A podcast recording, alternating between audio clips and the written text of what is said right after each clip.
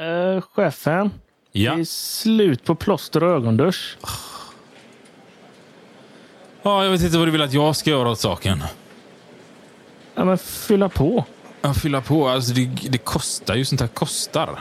Vi kan inte hålla på och liksom hela tiden behöva lägga massa pengar på plåster och ögonduschar och grejer. Ja, hur ska vi göra när vi har skurit oss då? Ja, men alltså, det, det är ju där ni gör fel först. liksom. Ja, nej, men då tar jag väl tejp här igen nu då.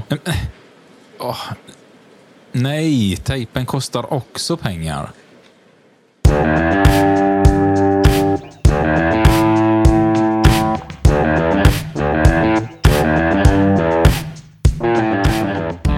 Varmt välkomna till Fuck You Podcast specialavsnitt som görs i samarbete med LO och ABF. Ja, alltså fuck you podcast med A. Precis. Vi är lite göteborgare vi nämligen. Vilka är vi? Jag heter Sebastian Borssén och är montör och klubbordförande. Mitt namn är Jim Tellefsdal och jag är lastbilsplåtslagare och klubbordförande. Och jag heter Isak Ekblom och är bilplåtslagare och klubbordförande. Och vi är ju alla tre IF Metallare, men driver Sveriges mest lyssnade tvärfackliga podcast.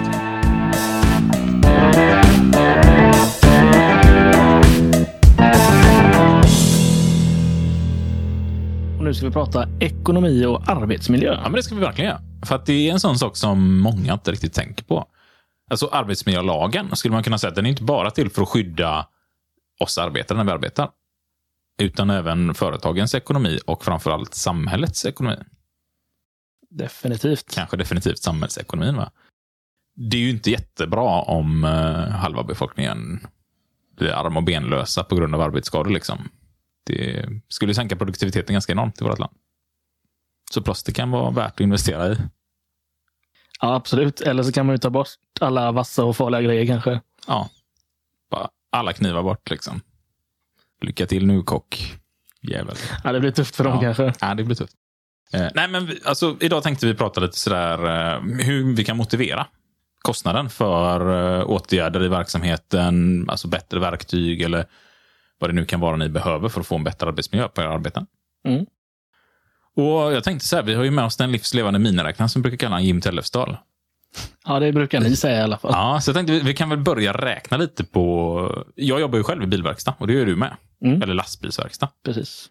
Eh, Så tänkte jag vi kan väl börja räkna så här. Vad kostar en liten sjukskrivning? Ja, det är intressant. Och så kan vi ta, vi tar en bilverkstad här nu då. För att det brukar vara någonting som händer i stora delar av vårt land. Sådär mitt i vintern eller så. Det kommer snö. Har du varit med om det någon gång? Jag har varit med om det. Här i Göteborg är det mest slask, men eh, Ja, det regnar lite kallare. ja, precis. Men, och då brukar det vara så att hela, i alla fall Göteborg, samtidigt kommer på vinterdäck hade varit en bra grej. Och så åker man in till verkstaden och ska byta däck. Och det blir väldigt mycket lyft för våra mekaniker. Och så börjar man räkna på det med ergonomi och grejer så inser man ju att eh, idag kan ett hjul väga mellan 18 och 50 kilo i princip. Era är lite tyngre på lastbilssidan va?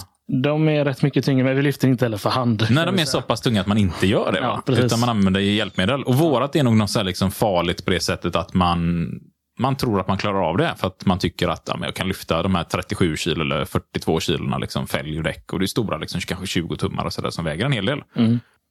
Och våra kroppar håller inte det. För det är rätt många lyft man gör. De ska på bilen, av bilen och sen ska de in i kanske bagaget. Eller så ska de läggas upp på en pall och iväg med truck och lite sådär. Och så gör man de här lyften. så att Ganska mycket. Och så har vi en del mekaniker som står och byter. De skiftar fyra hjul så här på 15 minuter. Och så bokar de in en hel dag så. 15 minuter. Varje 15 minut kommer in en ny bil. Liksom. Och så står de med två, tre veckor liksom. Håller på. Det tar... Det är många lyft. Det är många lyft. Och så har vi sett att, kolla här. Däcklyft. Har du sett det? Tänkte jag säga. Men det är klart att du har det, som jobbar med lastbilar. Då. Ja, det har jag gjort. Ja. Det hade ju inte vi gjort i samma utsträckning på personbilssidan. Va? Innan var ju hjulen mycket lättare också, för det är ofta lite mindre hjul och sånt än vad det kanske är idag.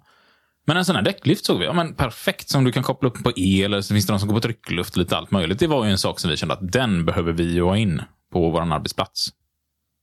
Men de kostar. Dyra grejer är det.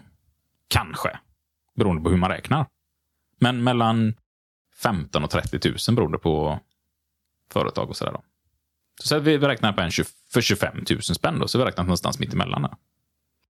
Det, går man in till chefen och ska motivera, liksom, kan du köpa in en sån däcklift till mig för 25 000 spänn? Ja, det, då får man kanske inte ett jätte-ja med en gång. Va? Nej, så står chefen, herregud, ett däckskifte, vi tar 500 spänn för det eller någonting. Hur, hur ska vi kunna motivera att köpa in något för så mycket? Det är ju hur många däckskiften som helst innan vi har tjänat in den. Mm. Det kan vara småmotiverat. Men så börjar vi istället räkna på vad kostar det att inte göra det? Och det är ett sånt bra förhandlingsknep här. Har vi verkligen råd att inte köpa in en sån här? Ja, precis. Det är en bra mening. Har vi verkligen råd att inte göra det? För folk är väldigt rädda för att tappa sånt man skulle kunna ha haft. Det är lite läskigt där. Snarare om man säger så här, vi skulle kunna göra mer vinst. Det blir så här, ja, vi kan göra mer vinst, vi kan också inte göra mer vinst. Men om man säger så här, har vi råd med att inte ta detta? Då blir det liksom så här, oj, oj, oj, kan jag bli av med Får man någonting? tänka till här Får lite? man tänka till. Det är ett litet sånt fint knep som vi har med i podden ibland när vi diskuterar förhandlingsteknik och sådär. Vi börjar räkna på detta nu. Det gör vi. Ett ryggskott säger vi. Hur länge är man hemma när man har fått ryggskott? Jag var hemma tio dagar senast. Tio dagar. Det är många dagar. Det är det. Men eh, det kanske inte är så vanligt att det är tio dagar. Och du är men- ändå ganska ung och vältränad och sådär. Ja, jag har varit vältränad i alla fall. Ja, men du är liksom inte så att du helt eh, har gått sönder för att du är gammal och gaggig. Eh, och nej, liksom nej, så är det ut dig i Precis. 40 år och röker 10 paket cigaretter om dagen. Och... Eh, nej, det, det stämmer ju. Så illa är det inte i alla fall. Nej. Utan någonstans mitt emellan det och vältränad då, kan vi säga. Ja, precis. Ja, så, så är vi lite ärliga i alla fall. Ja. Det är nog samma med mig här, så jag ska inte sitta här och skratta. Men tio dagar. Mm. Jag tänker så här, vi, nu är vi snälla. Vi är snälla. Vi räknar att det går över på sju dagar, alltså en vecka. Ett snabbt ryggskott. Jäkligt snabbt ryggskott. Så börjar vi titta. Vi tar en bilmekaniker här som har en lön med lite bonus eller sånt. 36 000 kan vi säga att han tjänar idag. Då. Det är inte helt ovanligt i storstäderna att man ligger där och snittar någonstans som bilmekaniker. Nej. Då kan vi börja räkna sjuklönen. Och vad har vi då? Eh, 36 000 i månaden. Då har vi delat i 175 så ska vi ha någon form av timlön. Ja, det är väl 205-206 kronor någonstans. Yes, och så tar vi det gånger då... eh, Vi ska ta bort en karensdag och så ska vi ha fram 80 procent av det då som man betalar i sjuklön första veckan. Mm. Eh, 4, 9. 4 900 ungefär. Mm. Då har vi vad den kostade i ren sjuklönekostnad, 4 900. Där har vi tjänat in en fjärdedel av den här däckliften. En femtedel i alla fall. Den kostar 25. Ja, se där. Det är därför vi har med oss dig i podden här. Sen så ska vi räkna på någonting mer. För det är ju så här att när den personen är sjuk, den kommer inte dra in några pengar till företaget. Och det glömmer vi ofta att räkna med. Hur stort är inkomstbortfallet för företaget? Och det här fallet nu så tänker jag att då räknar vi på att någonstans 1700 kronor i timmen kan den här mekanikern dra in till företaget. Mm, Något snitt. Något snitt sådär. Vad det, det är vad det kan kosta en storstad ungefär i timdebitering eh, för en bilmekaniker. Det kan låta mycket, men det är ju verktyg, det är liftar, det är elen och det är allt där. Verkstäder. Och, ja, som ska betalas. Men då börjar vi räkna på det här. 40 timmar gånger 1700 kronor. Mm. Du är helt plötsligt uppe i eh, 68 000. 68 000 spänn. Mm. Och så kan vi plussa på de här 4 och 9 eller någonting. Ja, precis. 72 och 9 då. 72 900 spänn. Nu låter det ganska billigt med de här 25 000 kronorna va? Ja, helt Vi kanske till och med ska ta den som billigt. kostade 30, den top Ja. of the line-modellen här med värderade handtag och grejer. Det är ju ett sätt att räkna på det. Och, och man kan ju räkna på massa, tonvis med grejer. Du kan räkna på stressen. Vad kostar det med en utbränd anställd? Och vi kan slänga på, vad kostar det samhället i längden? Och vad kostar det samhället i längden för företagen exempelvis? För det innebär ju att man någonstans behöver man ju få in mer skattepengar om färre personer kan jobba för att fler blir skadade. Det är ju höjda skatter överallt egentligen. Det är, ju- det är ju allt man behöver öka. Så att om företagen vill betala låga skatter, som de ofta säger i media, att det är för höga skatter överallt och katastrofalt och vi går omkull och ändå flyttar fler företag än någonsin till Sverige och sådär. Trots detta, då behöver vi jobba med de här grejerna, eller hur? Ja, alltså vi behöver investera i folket som... I personalen. Ja, precis. och lägga de pengarna för att det kommer liksom generera så mycket pengar i slutändan. Och här var det ett väldigt smidigt exempel. Alltså är det två veckors sjukskrivning, men då är vi uppe någonstans i 130 000 kronor kanske. 140 000 kronor. Och så kanske det är två eller tre av de anställda som råkar ut för detta varje år på ett lite större bolag. Alltså vi är uppe en halv miljon som man hade kunnat för bara 30-40 000 trolla bort egentligen. Ganska stor skillnad.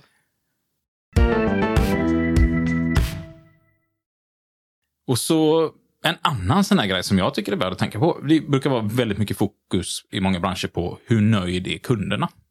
Eller hur nöjda är besökarna eller vad det nu kan tänkas vara i en bransch. Man sätter betyg på personalen.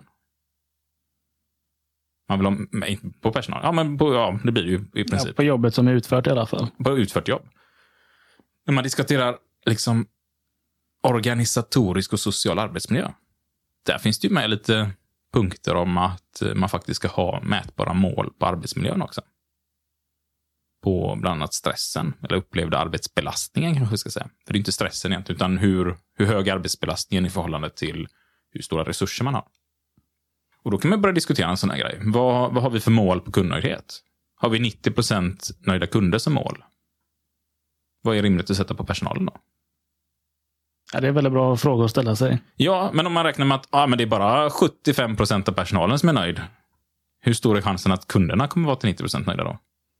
Chansen är ju rätt stor att då kommer man komma in till någon anställd som inte är särskilt nöjd och det kommer ju synas oavsett liksom vilket smile man försöker bre på.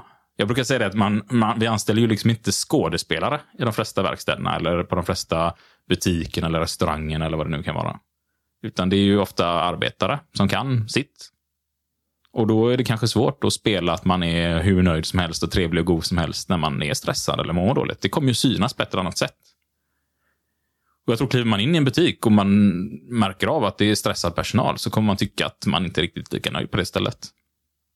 Så det blir också en sån här ingång. Om vi ska jobba med arbetsmiljö, om vi ska jobba med kundnöjdhet, men då behöver vi verkligen fokusera på de som faktiskt möter kunderna eller besökarna varje dag. Så de två tipsen vi tänkte skicka med i det här avsnittet. Ja. Eller har vi missat något sånt? Nej, jag tror det är det vi ska ha med. Ja. Vart kan man höra fler sådana här tips? Vill man lyssna på många mer av den här typen av tips så lyssnar man på Fuck You Podcast. Ja, och det hittar ni ju överallt där man kan streama poddar i princip. Ja. Och hittar ni inte där så får ni hojta till till oss så ska vi se till att det kommer upp där. Det gör vi. Annars har ni fuckyoupodcast.podbean.com. Vi hörs! Ha det bra. Bye.